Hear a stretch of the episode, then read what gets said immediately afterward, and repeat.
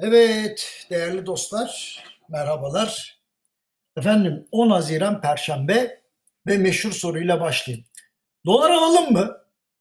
Şimdi bu soruyu ne zaman duyuyorum biliyor musunuz? Ne zaman böyle uzun bir YouTube yayını veya sosyal medya paylaşımı yaparsam ondan sonra. Eskiden tebessüm ediyordum. Şimdi üzülüyorum. Yani en yakınlarım bana bu soruyu soruyor bazen.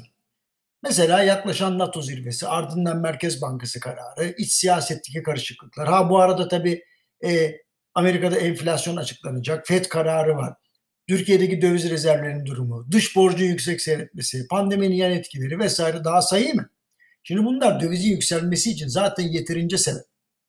Tabii 5 yıl önce 3 lira olan doların bugün 8.6 lira seviyesinde olmasına rağmen dolar alalım mı diye sorabilmek bana göre tamamen panik ya da şaşkınlık.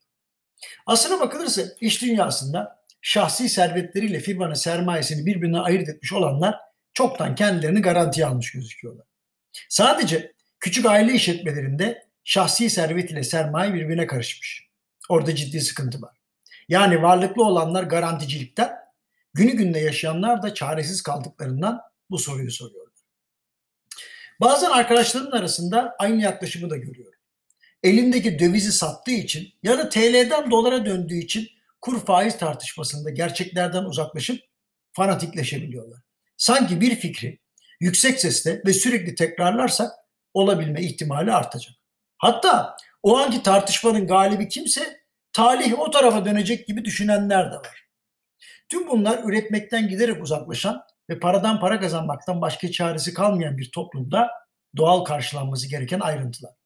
Kur, faiz, enflasyon üzerine yapılan tartışmalar zaman kaybı olduğu gibi söz konusu tartışmalarda yaşanan gerginlikler de bizleri yoruyor.